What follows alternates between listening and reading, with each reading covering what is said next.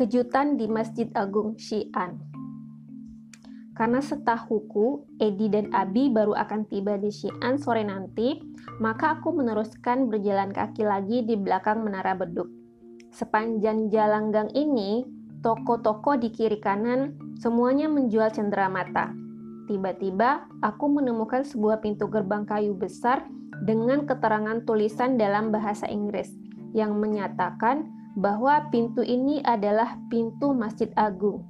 Loh kok ada lagi? Ternyata taman masjid yang tadi pagi aku masuki adalah sebuah masjid yang uh, ternyata taman masjid yang tadi pagi aku masuki adalah sebuah masjid lain yang lebih tua. Masjid yang tadi pagi bernama Masjid Daswe Shishang, dibangun tahun 705 Masehi di atas tanah seluas 7.000 meter persegi. Lalu diperbaiki tahun 1413 Masehi oleh Laksamana Cheng Ho sebagai tanda terima kasih kepada Hasan, seorang muslim warga Xi'an yang menjadi imam masjid di Dashu Xishiang. Hasan telah membantu Sang Laksamana sebagai penerjemahnya saat Sang Laksamana berlayar ke arah barat dan kabarnya juga sampai ke Semarang. Dalam masjid tersebut ada prasasti dalam huruf Cina dan huruf Arab yang menceritakan kontribusi imam masjid itu pada perjalanan Laksamana. Sedangkan yang aku temukan pintunya secara tidak sengaja siang ini, yang letaknya bahkan lebih dekat ke Menara Beduk adalah Masjid Agung yang sebenarnya. Dibangun belakangan, yaitu tahun 742 Masehi di atas tanah yang lebih luas, yaitu 13.000 meter persegi, dan luas bangunannya 7.000 meter persegi, punya empat taman dan beberapa bangunan. Di taman masjid yang luas ini, ada batu yang disebut dengan batu bulan, yang dulu dibuat oleh salah seorang imam masjid ini untuk menunjukkan cara menghitung kalender Islam yang memang menggunakan perhitungan bulan. Di tengah taman ada menara introspeksi diri, yang merupakan menara yang digunakan untuk mengumandangkan azan. Begitu yang disebut di papan pengumuman di luar masjid. Di depan pintu gerbang masjid, seorang petugas menyambutku dengan bertanya, Malaysia? Tidak, Indonesia, dan rajin. Muslim? Apakah pertanyaan itu diperlukan? Aku kan pakai jilbab dan pakaianku panjang. Tapi aku mengangguk. Tidak perlu bayar tiket 25 yuan kalau muslim. Gratis karena masjid ini memang digunakan untuk sholat sehari-hari.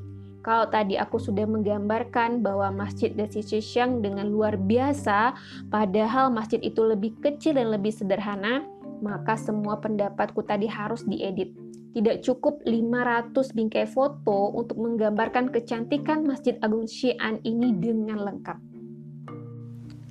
Masjidnya tentu saja sudah sangat tua, dan karena terbuat dari kayu, dengan mudahnya usia masjid ini tampak. Tapi pengaturan tamannya sungguh luar biasa. Barisan bangunannya dari kiri kanan taman ini seperti bangunan barak di kiri kanan kota terlarang Ke mana mata memandang akan tampak satu sudut cantik atau subjek foto yang mengagumkan. Serasa berada di Taman Firdaus. Ini masjid tercantik kedua yang aku pernah datangi seumur hidup di seluruh dunia. Masjid tercantik pertama adalah masjid yang tadi pagi, yang serupa tapi tak sama.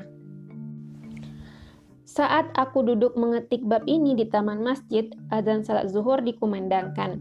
Dari kedua jalan setapak sepanjang taman menuju pelataran masjid, berdatangan orang-orang yang bergegas hendak sholat.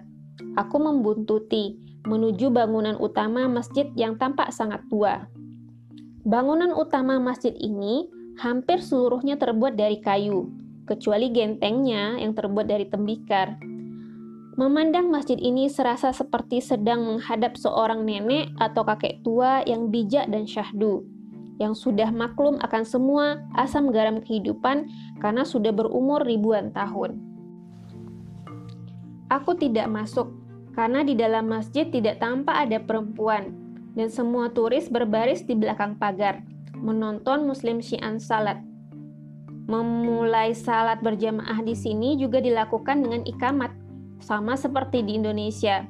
Aku yakin bahwa sholat zuhurnya pasti empat rakaat juga. Satu hal penting yang aku perhatikan dari para muslim di Xi'an ini, sebelum salat wajib dimulai, hampir semua jamaah melaksanakan salat sunat. Luar biasa. Bahkan bapak tua yang salatnya sambil duduk di kursi pun melakukannya. Saat bubaran salat pun, tanpa ketaatan mereka, tidak ada yang langsung bangkit berdiri, kabur dari masjid secepat kilat.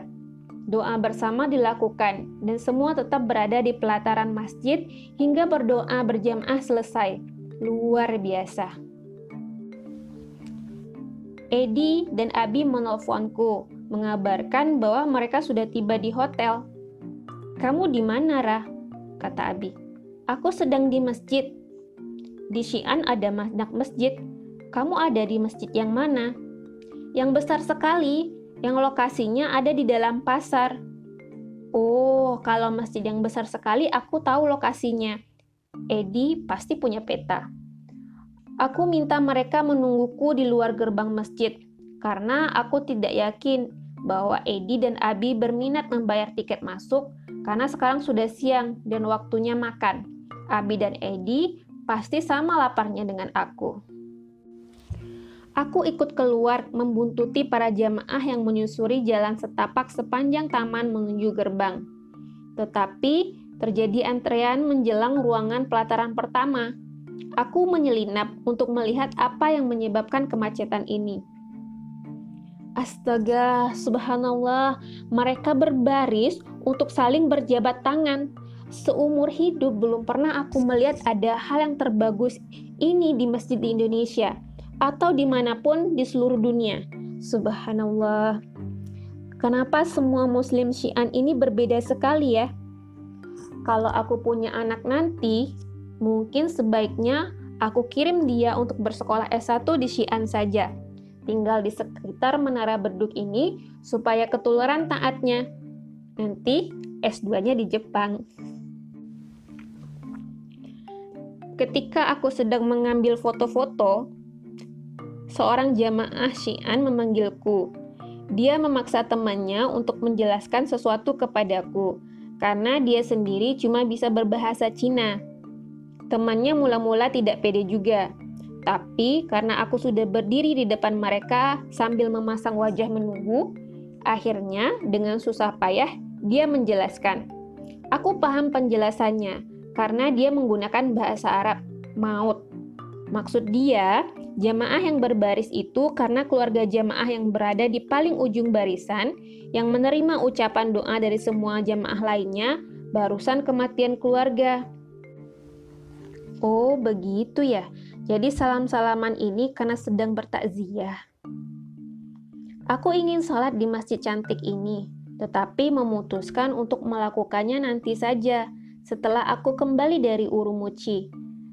Setelah sampai di ujung perjalanan jalur sutra ini, dari Urumuchi, aku akan naik pesawat domestik balik ke Xi'an dan punya waktu dua malam di sini sebelum kembali ke Jakarta.